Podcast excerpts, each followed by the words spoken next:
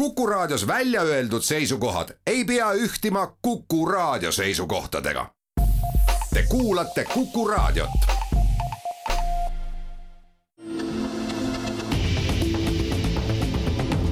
kahevahel. kahevahel, valimisstuudio. kahevahel tere, on reede keskpäev ja ajakirjanikud Timo Tarve ja Ainar Ruussaar alustamas saadet Kahevahel, mis nüüd kuni valimisteni võiks kanda ka nime Valimisstuudio. väga hea meel on Kuku raadio otsestuudios tervitada Isamaa erakonna volikogu esimeest Mart Maastikut, kes on Saaremaal ettevõtja. tere! ja parempoolsete erakonna aseesimeest Kristjan Vanaseljat, kes on samuti seotud Saaremaaga. olgu kuulajatele meenutuseks, et eelmise aasta märtsis viskas Isamaa erakond teatud hulga poliitikuid oma ridadest välja ja nii sündis erakond Parempoolsed. ja ka Kristjan Vanaselja on ettevõtja, tervist! tere päevast! head kandidaadid, te olete mõlemad Saaremaa mehed ja tänane saade on üks hea võimalus siis teid ka tulevastele valijatele mitte ainult Saaremaal ja seal lääneringkonnas, kus teid niikuinii hästi teatakse, ka tutvustada, kuivõrd esimese järgu poliitsaurused, ma andke andeks, te veel ei ole, aga küllap selleks saate. aga haarame härjal sarvist debateerime, mida teeksite teie siis nüüd Eesti Energia ja Elektrileviga, kelle tegevusetus ilmselt teid ka Saaremaal kohe pikka aega pimeduses hoidis ja pani ikka kurja keelt vandama ja rusikat vaputama. aga see on laiem küsimus. Mart äh,. aitäh! no ilmselgelt äh, ise elades Saaremaal on, olen sellega väga palju kokku puutunud, et äh, me oleme seal kõige läänepoolsemas otsas äh, Karala külas ja, ja seal on elekter ära, ma arvan, aastas vähemalt viiskümmend korda ja niisugused pikemad äh, äraolekud on sellised äh, nädalased ja see annab igal juhul tunda nii nii oma elus kui ka, ka, ka külmkappi lahti tehes, nii et äh, kui kõik asjad sul haisema lähevad. aga mure on selles, et tegelikult kogu nõukogudeaegne energiasüsteem on üles ehitatud sellisel suuremast torust väiksemasse torusse mineku printsiibil, ehk siis kogu elektrijaamade võrgustik on üles ehitatud siis sinna Venemaa külje alla, Ida-Virusse ja meie, kes me oleme nüüd siis noh, saared, oleme kõige kaugemas läänepoolsemas otsas, siis seal on siis need piltlikult öeldes torud kõige peenemad, ehk siis kõik elekter voolas idast läände. aga nüüd, kui on siis muutunud olukorras, kus me oleme siis nüüd, väga palju tahetakse roheenergiat ja taastuvenergiat turule tuua ja ongi toodud, siis see elektrivõrk on oma aja ammu üle, noh, ära elanud on umbes, meil on hästi palju päikseparke tekkinud, tuulikuid ka mõningal määral, ja kõige hullem on see, et, et seda energiat ei saa isegi sinna võrku lasta, sest et see võrk ei võta seda vastu. Hiiumaa täiesti umbes, nüüd on Saaremaa ka, aga äh, minu arvates ei ole lihtsamat asja, kui äh, vahetada välja kogu see tänane elektrivõrgu siis need äh, kaabel, praegu nad on kõik siis tavaliselt postide otsas olevad äh, elektrijuhtmed, noh, mis äh, siis iga väikesegi äh, ilmamuutuse korral äh, annavad otsad ja ja tuleks nad panna kaablisse, soovitatavalt maa sisse, eile ma kuulasin just mingis saates ütles, mm, kas oli nüüd Elektrilevist keegi, aga üks juht, et umbes kuuskümmend miljonit läheks maksma ainult tegelikult kuuskümmend miljonit, mis ei ole üldse suur raha minu arvates läheks maksma siis äh, saartel äh, selle äh, normaalseks tegemine, elektrivõrgu nagu normaalseks tegemine, nii et oleks ilmastikukindel. nii et see kuuskümmend miljonit leida riigieelarvest, kusjuures ma leian ka seda, et see on tegelikult julgeoleku küsimus ka, et me vaatame praegu, kuidas Ukrainas pommitatakse neid energiataristuid ja ja pool, pool riiki on vahepeal pime ja, ja siis, kui on mitte ainult pime, ega siis, siis ei toimi ka muud asjad, ei ole sul kanalisatsioon ei tööta ja vesi ei tule puurkaevast üles. et, et see on näidanud, et see on tegelikult ka otsene julgeolekurisk, nii et sinna võiks võtta riik laenu ja seda ei peaks häbenema. oi, me jõuame laenudest ja sellest, kust tuleb raha veel palju rääkida, Kristjan Pannaselja, ka Saaremaaga seotud inimene. Jah, nii nagu Mart ütles, et need, äh, mida, mida suursaarte elanikud äh, iga kord, kui sajab natuke rohkem lund või on natukene tugevam tuul, mida saartel tuleb äh, väga tihti ette, mida nad tunnevad tegelikult natukene iseloomustab seda viimase kümne aasta jooksul Eesti riigis ja riigi juhtimises toimunud ka, et, et see on otsustamatuse küsimus. See korraliku energiavarustuse tagamine seisab tegelikult jah, ainult korraliku võrgu ehitamise taga ja see ei ole liiga kallis, vaid see nõuab ja on tegelikult varasemalt ka nõudnud ainult poliitilist otsust. ja neid otsuseid ei ole tegelikult tehtud. Äh, korralik ringvõrk, äh, mis ühendab Saaremaa, Hiiumaa ja mandri, äh, aitaks tegelikult kõiki neid probleeme tulevikus vältida ja need tuleb lihtsalt ära teha. no jaa, aga aastal kaks tuhat kakskümmend kolm ei peaks olema niimoodi, et kakskümmend tuhat perekonda elab kolm päeva vähemalt küünlavalgel või kasutab taskulampi. see on ju jabur aga täna see on paraku paratamatus äh, või mitte paratamatus, vaid reaalne fakt. Äh, saartel käibki elekter ära äh, kindla regulaarsuse alusel praktiliselt iga kuu. no meil on sõna otseses mõttes vahelduv vool, et meil on teda ja ei ole. see ei ole normaalne. jah, ja no meil käivad praegu naljad ka, et mitte, et ei ole Elektrilevi, vaid Elekter ei levi. Elektrilevi, väga õige no siin on Saaremaa mehed ühel nõul, aga mida siis nüüd laiemalt teha Elektrilevi, Eesti Energiaga ja noh, sellesse riigiettevõttesse pumbatud rahaga, Auvere jaam, Juhan Partsi ellu kutsutud, tema Isamaa mees, ei tööta. ja laiemalt võttes igasugused lahendused, mis on energiapoliitikasse, ei tööta, kui töötavad, on hirmus kallid. ootame ettepanekuid. erastada mina, ma, vot ma ei ole nüüd siin, ei saa öelda, kas Isamaa üldine seisukoht on selline, minu isiklik arvamus on selline, et Äh, erastama ei peaks äh, selliseid olulisi taristuid, nii nagu ka omal ajal ju er-, korraks erastati Eesti Raudtee, siis ta jälle osteti tagasi, et see on ikkagi strateegiliselt tähtis äh, kogu Eestile, et meil oleks energiavarustus ja, ja see on, ma ütlen, ka julgeoleku osa. Ma ei erastaks küll, aga kindlasti peaks leidma mõistliku lahenduse, et kuidas noh, meil on, meil on nagu see probleem, kõige suurem, me, me oleme natukene sellises mitte ainult meie, aga üldse Euroopa Liit, on sellises plaanimajanduse, nagu Nõukogude ajal oli plaanimajandus, et äh, võeti niisugused tähtsad äh,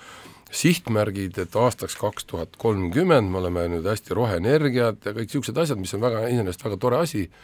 aga tee, kuidas sinna jõuda ja se-, seda meil ei ole nagu olemas, et mulle meenub üks nõukogudeaegne anekdoot, kus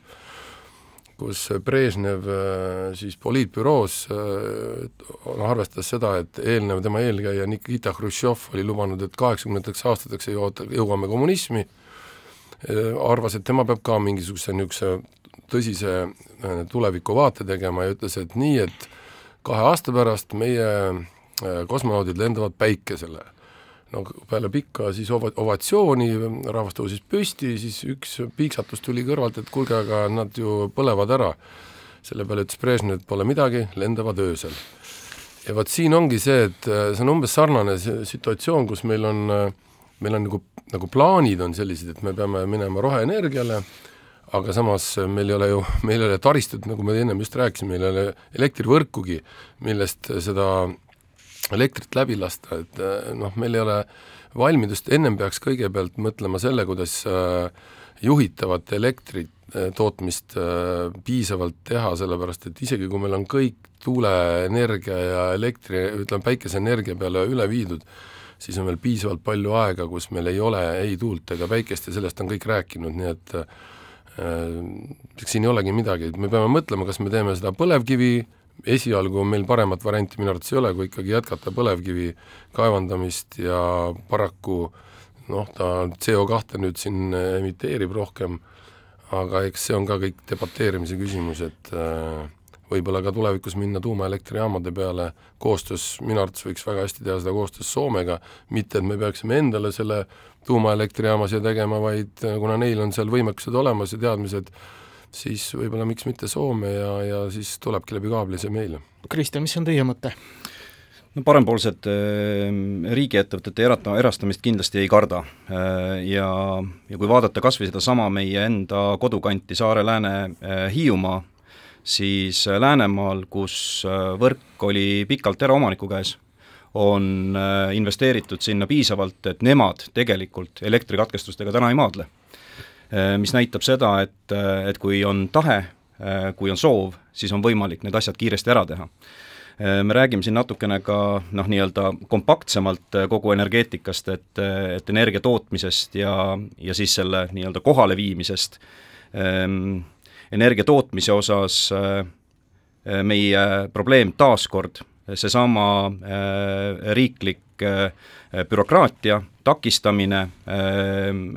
need projektid on liialt pikalt veninud ja meil ei ole olnud otsustavust et äh, tegelikult äh, Eesti kogu energia tootmine äh, järgmisele tasandile viia.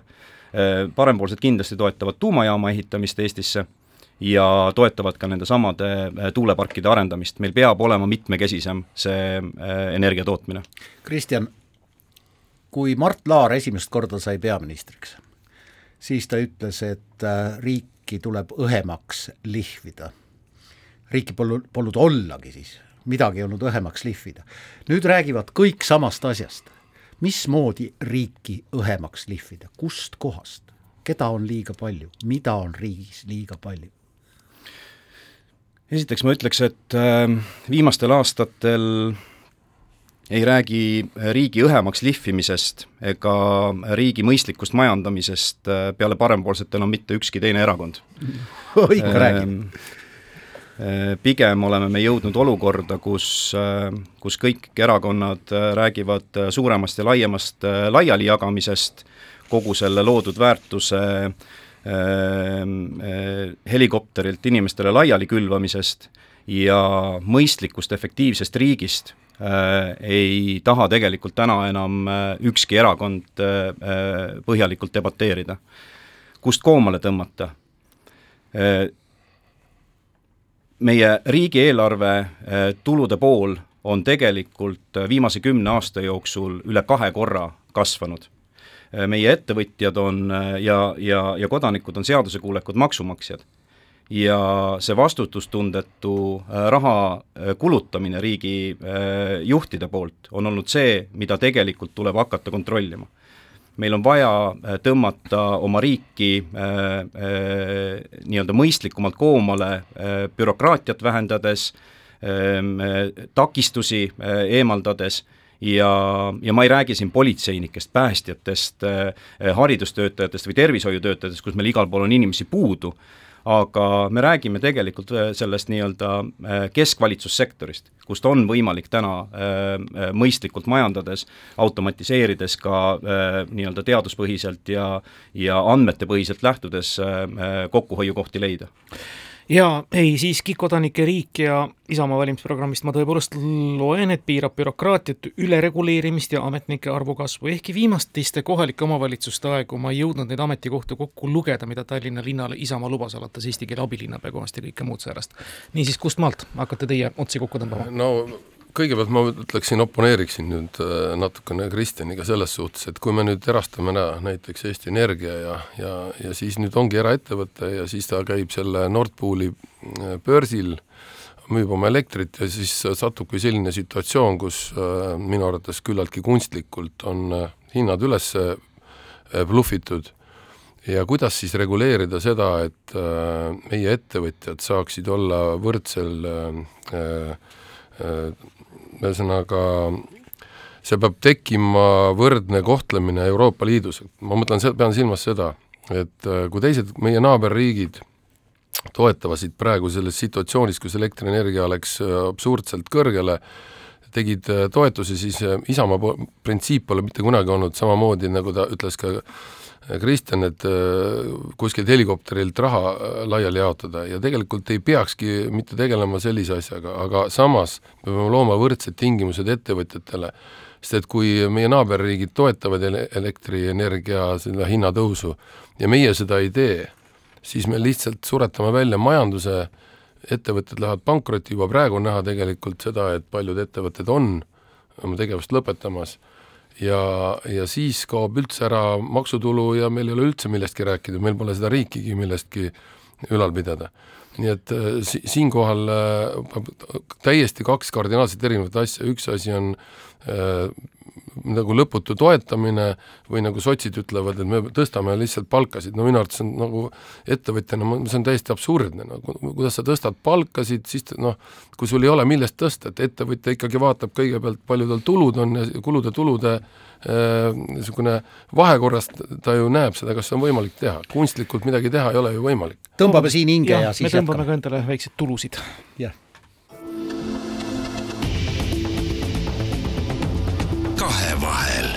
kahevahel, valimisstuudio. kahevahel kahevahel valimisstuudio, Ainar Ruussaar ja Timo Tarve võõrustavad täna Isamaa erakonna esindajat Mart Maastikku, ettevõtjat Saaremaalt ja Parempoolsete erakonna aseesimeest ja valimisnimekirja teist numbrit Kristjan Vanaseljat ka juhtumisi Saaremaalt. Kristjan, loen Parempoolsete koduleheküljelt peaaegu nagu kommunistlikku väidet igaüks saab leida sobiva töö ja tegeleda ettevõtlusega, mis võima-, võimaldab väärikat sissetulekut. olete Tommaso Campanella Päikeselinna mitu korda korralikult lugenud? ei, aga see on, see on meie selge põhimõte, et see ei ole ju võimalik. kindlasti on. riigi roll on luua keskkonnad, kus ja kui me vaatame Eestit, siis neid see, see väärtus äh, on meie ühiskonnas ja inimestes olemas, kes ütlevad, et äh, äh, me ta-, me oleme ettevõtlikud, me tahame teha tööd selleks, et oma eludega ise toime tulla ja me ootame riigilt ainult seda, et oleks olemas keskkonnad, oleks olemas tingimused selleks, et me saaksime sellega tegeleda. see põhimõte seal taga on, on meie soov, et riik ei sekkuks ülemäära inimeste eludesse, riik ei tuleks korraldama äh, majanduskeskkondi ja ettevõtlust ja annaks tegelikult vabad võimalused äh, äh, kogu ühiskonnal areneda, ettevõtlusel kasvada ja inimestel ise oma eludega toime tulla. Mart, te olete ettevõtja, mõlemad olete ettevõtjad, te olete ka tööandja, seega siis tunnete kindlasti ka vastutust kõigi nende ees, kes teil töötavad mis on nüüd see, mida te ühtlasi ka näiteks kohaliku omavalitsuse volikogu liikmena või siis ka nii-öelda võimul oleva partei ja ikkagi üsna hinnatud ja, ja sõnaka liikmena ootate riigilt, mida ta teile kui ettevõtjale, ütleme nii siis kahel toolil olles, mida te nii-öelda riigilt küsiksite või pigemini ütleksite, et jäta meid võimalikult omaette, toimetame ja ära sekku meie tegemistesse? no minu arvates ongi, noh selles suhtes ma olen nõus äh, Kristjaniga, et riigi ülesanne on luua soodsad tingimused, aga samas äh, noh, tundub skisofreeniline öelda, et äh, me ei tohiks nagu ettevõtjaid äh, aidata raskel situatsioonis, on ju, et et see ei ole ju äh, soodsate ja võrdsete tingimuste loomine, nii et noh, ettevõtjana, mis ma ootan, mina, mina ootan kõige rohkem seda, et maksusüsteemid oleksid võimalikult lihtsad ja neid pidevalt ei muudetaks. et see selline, poliitikutel on tavaliselt selline komme, et enne valimisi mõeldakse, tuleb see kokku selline mingi ajutrust ja siis mõeldakse kogu aeg välja igasuguseid mõtteid, et jumala eest saaks mingeid hääli ja, ja et ajakirjandusel oleks huvitav küsida ja ja sellega te-, noh, meil võib olla väga hea süsteem, aga see lörtsitakse ainult sellepärast ära, et noh, et, et saada mingeid klikke ja, ja ületas uudiskünnise. pigem stabiilne maksusüsteem äh, mis ei, ei koorma, ainult üksikuid asju võib teha, näiteks ma võin tuua ühe näite, no mul on väga hea sõber, lapsepõlvesõber Roland, kes on ühe Eesti suurema toitlustusettevõtte äh, suuromanik ja juht, tema ütles näiteks nii, et tema, tema leiab, et mida võiks muuta, on see, et äh, sotsiaalmaksule võiks seada lae iseenesest on sellel jumet minu arvates, see on niisugune, niisugune selliseid kosmeetilisi asju võiks teha, sest et kui sa võtad, et noh, inimene saab kakskümmend tuhat palka ja siis see sotsiaalmaks on ju väga suur sellest osast, on ju, ettevõtjale läheb, peab maksma peaaegu nelikümmend tuhat läheb maksma, eks ole, et maksta kahtekümmet tuhandet palka, aga samas, ega kui sa lähed arsti juurde, siis ma isegi kogen seda, et ma tahan äh, minna kiirelt on vaja teha mingisugused arstiabi asjad ära, siis ma pigem lähen tasulisse, sest et mul ei ole võimalust. väga hea, et me jõudsime maksude juurde, sellepärast et minu jaoks, minu arvates on maksudebatti nende valimiste eel olnud liiga vähe, räägime maksudest. Äh, millised need maksud peaksid olema? kas rikkaid tuleks rohkem maksustada või maksud peaksid olema ühetaolised kõigile? Kristjan? Ehm, selle kolmekümne kas jõukust tuleks karistada? kindlasti mitte, selle kolmekümne aastaga, mida, kus me Eestit oleme ehitanud, me oleme tänaseks jõudnud sinna, et me oleme maailmas äh, kõige parema maksusüsteemiga äh, riik kogu, kogu maailmas ja parempoolsed kindlasti seisavad selle eest, et maksukoormust ei tõstetaks, pigem näeme me seda, et tulevikus võiks maksukoormus väheneda, me aga kust raha tuleb siis? Kui meil on tugev majandus, kui kasvavad palgad, kui ettevõtlus on soodustatud, siis tulud kasvavad ka sedakaudu. Me ei pea kogu aeg mõtlema, et meil on vaja makse suurendada, sellepärast on mul huvitav Marti kuulata, et äh, kirjutades riigieelarvesse igal aastal kahesaja miljoni suuruseid kulusid lihtsalt ühe seaduseelnõuga ja vaadates ja lugedes kõikide erakondade valimisplatvorme, kus neid kokku lüües on need kulud miljardites ja selle juures öelda, et maksud ei tõuse, siis minu küsimus on, kust need erakonnad näevad, et see raha tuleb? see ei ole lihtsalt võimalik neid kõiki kulusid sellisel kujul tänase maksusüsteemiga, mis on ühetaoline, jah, äh, selle nii-öelda need eritasemelised maksud parempoolsed muudaksid ära, Äh, ühetaoliseks ja lihtsaks, äh, aga, aga me ei näe, et, et teised erakonnad põhjendaks, kust kohast tulevad need tulud kõikide nende kulude äh, katmiseks. valitsus saab ju enne valimisi laenu võtta. oot-oot-oot, Mart, Mart nüüd valitsuserakonna esindajana vastab. Mina hea meelega jah, seda tooksin jälle siin näite ikkagi ettevõtlusega, et ettevõtlust arendada ja kui sa oled, ütleme, nullist alustad, siis ilma laenuta üldse ei ole võimalik ja nüüd, kui äh, Kristjan, sa väidad seda, et äh, laenu ei tohi võtta, et siis ma tahaks teada, kuidas ettevõtjana sa üldse saaksid oma ettevõtet laiendada või üldse kuhugile jõuda, kui sul on kümme eurot taskus, sa lihtsalt ei ole võimalik seda teha. Et äh, ei pea kartma laenusid, teine asi on see, et äh, kui sa väidad seda, et äh, näiteks meie programm, kus meil on peretoetuste süsteem, mis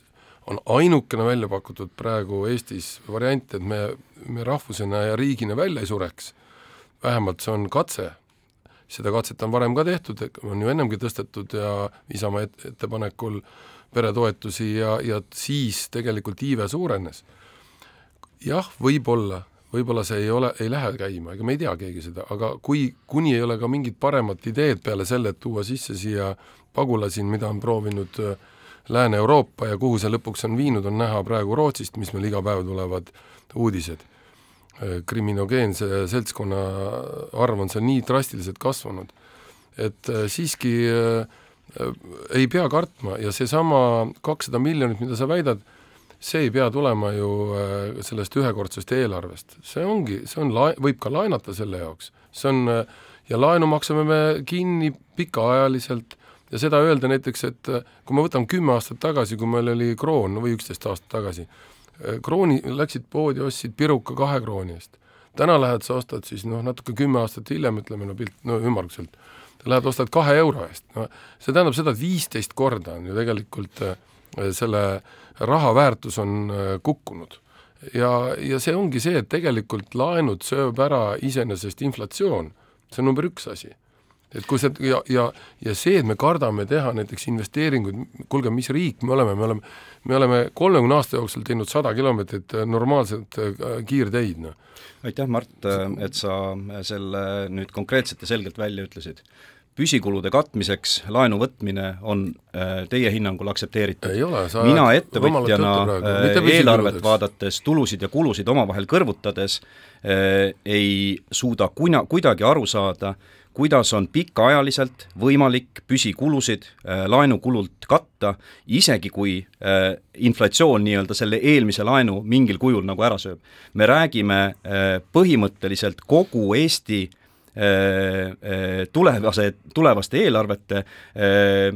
nii-öelda puudujäägi laenudega katmist ja me jäämegi sellesse tsüklisse kinni. see on üks parempoolsete üks suuremaid muresid, mida me tegelikult kõrvalt täna näeme. me ei räägi tõele. tugevast majandusest, me räägime sellest, et ja, ja tänaseid nii-öelda Eesti majandusnumbreid vaadates või laenunumbreid vaadates, jah, järgmised kümme-viisteist aastat saame me seda poliitikat rahulikult ajada, et me iga aasta võtame muudkui laenu juurde. aga me jääme muust maailmast tohutult maha. selleks, et edasi liikuda, tuleb meil joosta. ma olen sellega täiesti nõus, et me jääme muust maailmast maha, kui ülejäänud maailm trükib raha, ütleme Euroopa Liit trükib raha ja siis arendab oma infrastruktuure, taristuid ja õigetesse kohtadesse paneb äh, raha ja meie seda ei tee. sa räägid kahest oleme... asjast. sa räägid püsikulude katmisest ei laenuga räägi, ja sa ei, räägid investeeringutest. parempoolsed toetavad seda, et laenu võime võtta investeeringuteks. ma ei tea, kust kohast sa ütled, et ma, Isamaa võtab püsikulude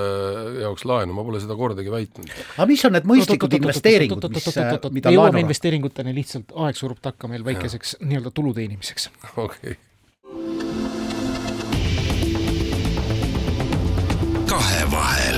kahevahel, valimisstuudio. kahevahel. Timo Tarve, Ainar Ruussaar jätkamas igareedest valimisstuudiot üldnimetusega Kahe vahel ja meie vahel Kuku raadio otsestuudios on Mart Maastik Isamaa erakonnast ja Kristjan Vanaselja Parempoolsete erakonnast. räägime suures jaos majandusest ja toimetulekust, need kaks asja nüüd kokku panna, viimatiste suurte Covid kriiside aegu tuli riik ettevõtjatele palga maksmisega appi läbi Töötukassa meetmete. nüüdsel ajal on riik tulnud siis nüüdsete kriiside aegu appi küll pensioni suurendamistega, küll erinevate lastetoetustega, ühesõnaga on külvanud päris palju ja korralikult. Parempoolsete üldpõhimõtetest teie valimisprogrammi muide veel ei ole väljas, tahaks väga lugeda. on kirjas selgelt, et seesugune rahakülv peab lõppema ja seesugune nii-öelda õpitud abituse suurendamine peab ka igal juhul lõppema, aga kõik need otsused on sündinud ja Isamaa noh, ütleme kaasvõtul, Mart Maastik, kas see on selline jätkusuutlik poliitika? jaa, kindlasti on jätkusuutlik see, et äh, Isamaa mõtleb selle peale, et, et me tõesti, ma ennem juba ütlesin, et me riigina välja ei sureks, et see, mina küll ei nimetaks seda mingisuguseks raha külvamiseks, et äh, kui, äh, kui me ikkagi pea, me peame siiski mõtlema, kui meil on iive negatiivne ja meie rahvaarv aina väheneb, pluss väga paljude rumalate otsuste, just poliitikute rumalate otsuste äh, Äh, pärast eelmise masu ajal, noh ma ütlen sellepärast eelmise, et võib-olla on meil uus, võib-olla siin lähiajal ka võib-olla mingil määral tulemas, äh, siis on väga palju in-, eestlasi on ju läinud välismaale elama, siia lähinaabrite juurde. et äh, see on meie ainuke võimalus ikkagi seda riiki mingilgi moel üritada riigina nagu tulevikus ka näha, ma ei, ma ei kujuta ette seda, kui me mitte midagi ette ei võta ja laseme lihtsalt äh, minna. Ja, ja selles mõttes, et äh, Isamaa on olnud valitsuses ja mina arvan, et ka tule, tulevases valitsuses loodan, et on Isamaa, sest et äh, Isamaa poliitika on pigem arukas ja tark poliitika ja ma tean, et Isamaal on heidetud seda ette, et nüüd varem oli väga konservatiivse poliitika ja tasakaalus eelarve toetajana tuntud Isamaa. et nüüd ollakse nagu justkui muutunud ja, ja mindud populismi teed, et nüüd hakatakse raha külvama. see ei ole kaugeltki nii. Äh, meie mõte on see, ma, nagu ma ennem ütlesin ka Kristjanile, et laenu võtmine vajalikeks investeeringuteks ei ole raha külvamine, see on äh, vaade tulevikku ja me peame vaatama natuke rohkem kui üks või kaks või kümme aastat sinna et, edasi. et kuigi no ütleme, meil siin on äh, üks erakond, kellel on pikk plaan äh, no peale selle sõna ma ei ole midagi nagu seda kuulnud, mis selle sisu on, siis meil see sisu tegelikult on. Ja see sisu ongi see, et äh, me peame jät-, saama olema jätkusuutlikult oma, oma riigina, meil on haridusse investeeringutena täpselt sama mõte, kui me oleme haritud riik, siis sealt tekib meile lisaväärtust. Ja seda, karta neid laenusid, ma ei saa, ma siiski ei saa aru, ma ütlen, kes on siis täna targem, kas see, kes võttis laenu äh, ostis endale korteri laenuga ja täna maksab siis laenuintresse ja tagasimakseid, mis on tunduvalt väiksemad kui äh, rendi, rendi, rendihinnad, eks ole. et või, või siis see, et sa oledki pidevalt nagu konksu otsas ja, ja, ja maksadki neid, äh, neid rent, rendi, üürihindasid kui ma oleksin Kristjan Vanaselja, aga ma ei ole, siis ma küsiksin praegu, et äh, kuulge, Isamaa on korduvalt võimul olnud, eelmisel aastal sündis viimase saja aasta jooksul kõige vähem lapsi Eestis. rahvaarv kasvas kaks protsenti, sest meil on migratsioon, noh, seda ka sõjast tulenevalt äh, väga palju, et äh, kuulge, midagi tuleb ette võtta selleks, et eestlus ja Eesti riik säiliks, aga nüüd Kristjan Vanaselja päriselt ütleb, mida ja, tuleb ette võtta. Ähm me võime mm, sadade miljonite kaupa perekondadele raha jaotada, aga kui me tahame tõeliselt toetada seda, et Eestis oleks hea oma peresid luua ja lapsi kasvatada, peame me tahes või tahtmata ikkagi vaatama keskkondade poole. kõige suurem väljakutse on täna tegelikult ju toimetulekule, kui me toimetulekust räägime. Üksikutel emadel oma ühe-kahe või ka kolme lapsega keda tegelikult tuleks toetada. aga kui me räägime keskkondadest, siis äh,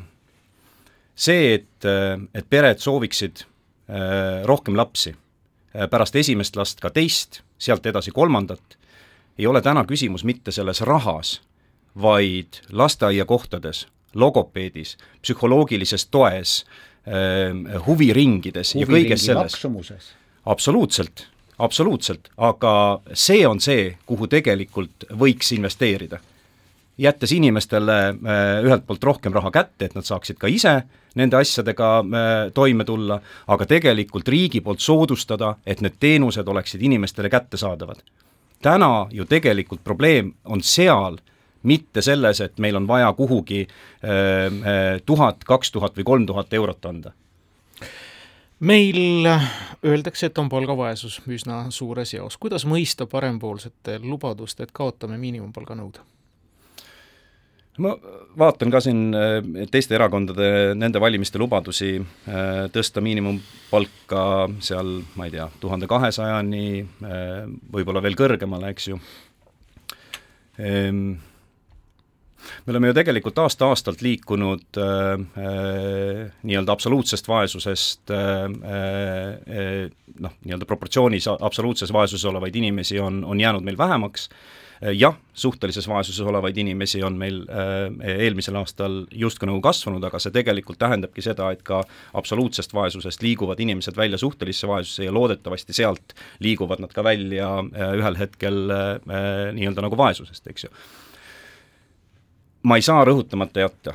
majanduse kasv, tugev majandus ja see, kuhu me oma äh, majandust ja ettevõtlust juhime, on see, mis tegelikult Eesti riigi ja selle kodanikud ja ühiskonna sellest päästab. mida tugevamad on meie ettevõtted, mida rohkem me suudame siia meelitada välisinvesteeringuid, mida rohkem me suudame aru saada, kus on homne ettevõtlus ja kus on homne majandus ja ka riigina seda mõista seda kiiremini hakkavad ka tõusma palgad, hakkab tõusma inimeste jõukus ja see on see, mille eest parempoolsed seisavad. mitte riigi laialijagamine, mitte toetuste jagamine, vaid inimestele võimaluste andmine, et ise oma eludega toime tulla. Mart Maastik, kas see on utoopia, et kui me teiega kohtuksime siinsamas stuudios aastal kaks tuhat kakskümmend viis jaanuaris ja tõdeme, hurraa, Eestis sündis aastal kaks tuhat kakskümmend neli viisteist tuhat last mitte alla kaheteistkümne tuhande, nagu eelmisel aastal. kas see on võimalik, kas see on utoopia? no ma, ma ei tea, kas just see sum-, see number, nagu, nagu te ütlete, on ju, aga ma ei, ma arvan, et see ei ole utoopia, sellepärast et siiski noh, aga ma ütlen veel kord, et mulle väga meeldib selles mõttes parempoolsetega noh, kuulata nende niisuguseid, nad väga hästi nagu loosungeid loevad et, ette, et meil oli täpselt sama debatt oli omal ajal ka Isamaas kus meil parempoolsetega lahkumineku eelgi küsisin mitu korda, et te, te räägite kogu aeg, et me peaksime muutma midagi, me Isamaas ka tegema, ütlesin, tooge üks näide, noh et kuidas te seda teete või mida me teeme, no mitte ühtegi näidet peale kõlavate loosungite. Isamaa puhul see ongi, et meie ju tegelikult vähemalt üritame. Ja seda, et kui te küsite siin, et kas kahe aasta pärast või, või ütleme, on meil lapsi juurde tulnud, ma väga loodan seda, et see meede too-, et see toob. Ja see ei ole mitte mingisugune laste ostmine, see on väga valesti aru saadud ja ma, mind paneb väga imestama ka meie ajakirjandus, kes väga palju tambib kõiksugu ettepanekuid, mida tehakse, justkui oleks need populistlikud, ma ei, ma ei saa aru, kuidas saab olla see populistlik, kui me tahame seda, et meie riik välja ei sureks ja, ja et me, meie rahvus, meie preambulas, eks ole, on kirjutatud, põhiseaduse preambulas on kirjutatud, et et, et kultuur, rahvus, keel säiliksid, no kuidas, kuidas see säilib siis, noh. et see on ainuke võimalus, me, me peame seda proovima ja kui me seda, kui see ei õnnestu, no mis siis ikka, noh, aga need, see läheb ju, mis vahet on selles, et nagu Kristjan ütles, et me loome nendele riiklikult toetatud tingimused näiteks huviharidusele, mingile niisugustele asjadele. me anname selle raha, paneme sellele perele, küll ta siis ise siis maksab nende, nende samade huvihariduste asjade eest. see ei ole ka nüüd nii metsikult suur raha lõppkokkuvõttes, millest me siin nagu äh, räägime, kui võtta nagu pikas perspektiivis. just, äh, võib-olla tõesti üksikisikule ja võib-olla ka väga kõrgepalgalistele, hästi toimetulevatele inimestele see raha, mida te jagate, ei ole kuigi suur, aga see number riigieelarves ja see, mille võrra need perekonnad, kes tegelikult reaalselt abi vajavad, saavad vähem, see on probleem tähendab, need, kellel on kolm ja rohkem last, muuseas statistiliselt on Eestis üle poole rahvastikust moodustavad need inimesed, kes on kas kolme või rohkema lapselisest perest pärit. see näitab seda, et kui me ja, ja iive, iivet ei suurenda kuidagi see, kui meil üks või kaks last on, vaid just see kolmas laps. Ja see on teadlikult tehtud hüppeliselt suurem toetus, mitte et kiusata ühe või kahelapselisi emasid või, või isasid, vaid see on just selle jaoks tehtud, et see on ainuke võimalus, kuidas me saame tegelikult taastootmist suurendada. mina ise olen viie lapse isa, olen oma panuse andnud, rohkem ma ei suuda anda, aga no ma loodan, et sina veel annad sinna oma panuse me teeme siinkohal väikese pausi ja siis jätkame meie igati vahvat vestlust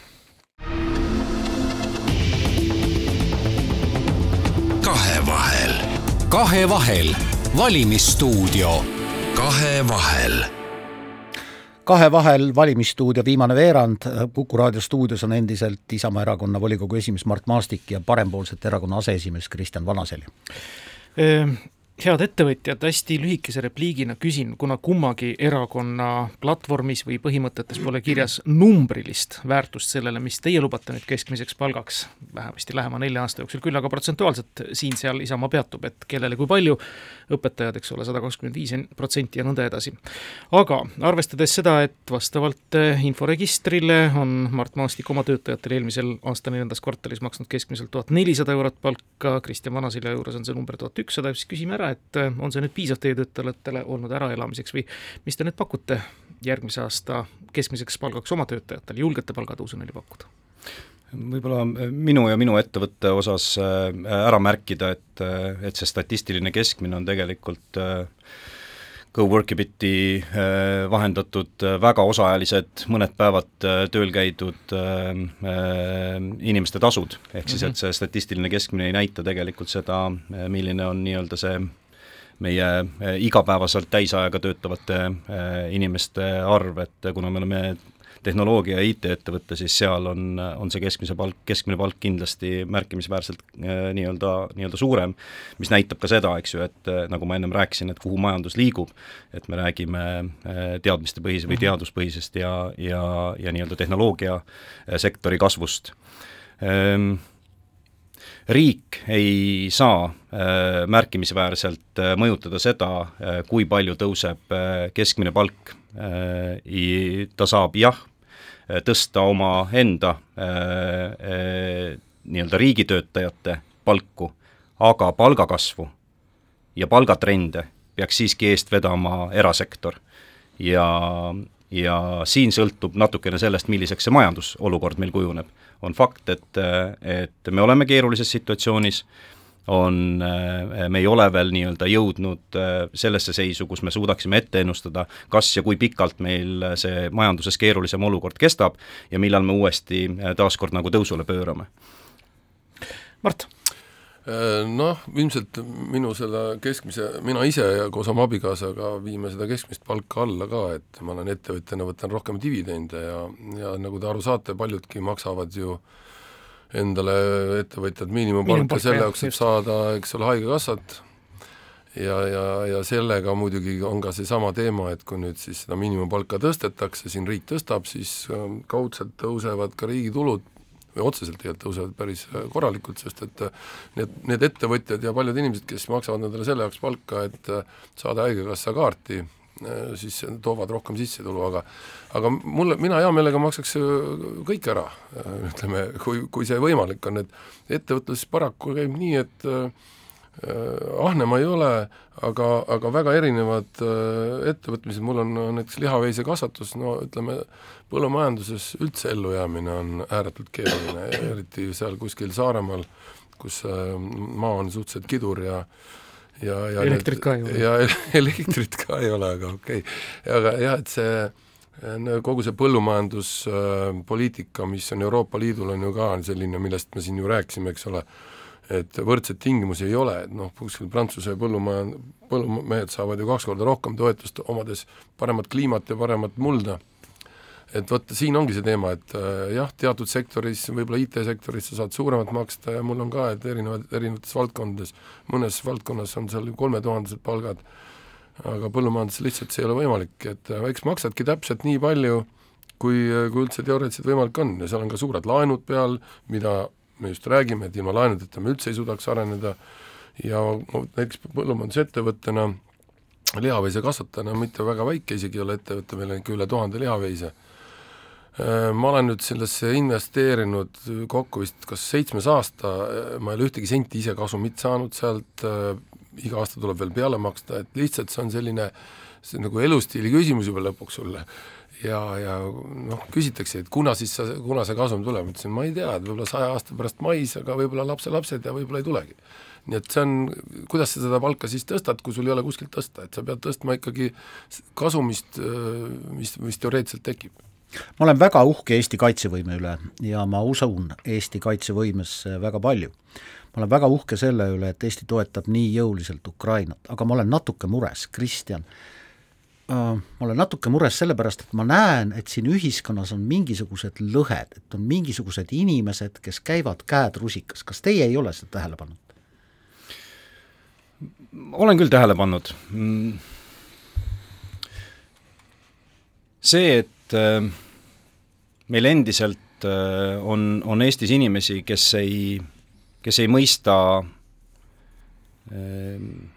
Venemaa tõelist palet, kes ei mõista, kes on, äh, kes on selles sõjas agressor. Ähm, seda on väga kurb näha ja, ja tegelikult ka avalikkuses kuulda. ma nägin täna hommikul Z-tähega jopet muide jah, äh, nagu ma ütlesin, eks ju, et noh, need inimesed täna meie ühiskonnas on olemas ähm, ja, ja meie nii-öelda riigi äh, ja ka riigijuhtide noh, äh, müts maha, siiamaani me oleme tegelikult ju väga hästi suutnud ennast ka laiale maailmale selgeks teha, mille eest, milliste väärtuste eest me seisame ja, ja tegelikult nendel inimestel ongi üks sõnum. kui sa ei soovi nende väärtuste järgi elada, kui sa ei soovi äh, tunnistada äh, nii-öelda neid väärtusi, mille eest meie siin seisame, siis järelikult sinu koht ei ole selles ühiskonnas, selles kogukonnas ja selles riigis. Mart, Isamaa lubab kehtestada Eestis elavatele või siia elama asuvatele agressorriik Venemaa kodanikele lojaalsusdeklaratsiooni kohustuse, millega isik kinnitab oma hukkamõistu Venemaa agressioonisõjale. andke andeks see paralleel, kui ta tuleb nüüd ülekohtune ja vähe võib-olla isegi robustne, aga see meenutab ühte teist aega, kus praktiliselt enne teist maailmasõda pidi teatud rahvuse esindaja ühes riigis kandma ka ühte eraldusmärki no siin on ju tegelikult konkreetselt välja öeldud ka, et agressorriik, eks ole, et agressorriigi kodanik peab tegema seda, mitte kas mitte... ta peab tõepoolest iga aasta täitma deklaratsiooni, et jah, ma vihkan seda, mida ei, ma, ma küll nii ei ole aru saanud sellest äh, deklaratsioonist, et seda peaks iga aasta tegema. et pigem on see ikkagi see, kui ta, kui ta noh, kui ta siia elama asub eh, või tahab siin elu, elamisluba saada, minu, mina olen nii sellest aru saanud. jaa, ainult et Tallinna linnavolikogu kõrval pargib regulaarselt Mercedes, mille numbrimärk on Moskva null üks jah, paraku noh, ma ei saa sinna midagi parata, kui ta seal pargib, aga aga ma, ma ütlen nüüd selle ka ära, et noh, ma saan tegelikult, äh, loomulikult meil on, peab olema hästi palju empaatiavõimet ja sisuliselt me oleme õnnelikud, et, et me, me oleme ju tegelikult kõik sõjas kaudselt, isegi selles mõttes on õigus, et et ega, ega need NATO riigid on sõjas kaudselt, aga see, me oleme õnnelikud, et see, selles suhtes jutumärkides õnnelikud, et see ei ole meie maa peal, meie inimesed otseselt ei ole selle, ei pea seal kaevikutes olema, aga see, et meie aitame neid iga, igat, noh, igal võimalikul moel, see on ainuke võimalik, ainu-, ainus võimalus, sest vastasel juhul äh, tulevad nad muidu meie maale ja see läheb meile kordades kulukamaks ja sellest peab aru saama. aga ma saan natuke aru ka sellest, mitte sellest ma ei saa aru, keegi käib rusikas äh, taskus, sellest ma küll aru ei saa. aga sellest murest, et noh, et kui meil, meil, et kui palju neid, eks ole, tuleb, kas meie riigi võimekus vastu peab, et noh, tegelikult kui ma Kaja Kallase käest ka küsisin omavahelises vestluses, et noh, et kas meil siis on see mingi limiit ka olemas, et palju neid inimesi tuleb, siis äh, ta ütles, et aga kuidas me selle limiidi paneme, aga noh, mõelge nüüd ise, eks ole, et kui meid on miljon ja kui siia tuleb miljon, et siis, siis see on reaalne ka meile reaalne probleem tegelikult meie riigi püsimisel härrad, lõpetuseks selline jah-ei küsimuse vastus. me teame teie mõlema erakonna noh, mitte kõige sõbralikumat lähiminevikku. aga nii üksikisiku tasemel ja tegelikult ka parteide tasemel, kui emb-kumb teist oleks peaminister, kas võtaks teise poole endale valitsusse majandusministriks? Kui ma tohin esimesena vastata, siis mina ütlesin juba ammu parempoolsetele Isamaa koosolekutel, ütlesin, et teate, et kuulge, lõpetame selle noh, nagu saaksime nagu sõbralikult läbi, et lõpetame omavahelise kakluse, me oleme kaklused ära kakelnud, meil on kindlad sihid, mida me oleme nagu siis enamus on otsustanud, ja et aga kui teil on soov teha midagi teisiti, et siis lähme sõbralikult lahku ja ütlesin ka viimasel päeval, ütlesin, et edu teile teie erakonna moodustamisel, ja minu pärast miks mitte või olla ühise laua taga, sest et ega miks me peaksime keelduma kellegagi koostööd. see ei ole midagi isiklikku, ei mm -hmm. ole ju selles parempoolsed Maailma... lähtuvad jah, selles mõttes nagu oma, oma tõekspidamistest ja väärtustest ja, ja kellest saab majandusminister või rahandusminister, seda näitab tulevik, aga aga me kindlasti ei tagane nendest põhimõtetest. aitäh teile tulemast, Kristjan Vanaselja, aitäh, Mart Maastik, edu, jõudu valimistel! aitäh!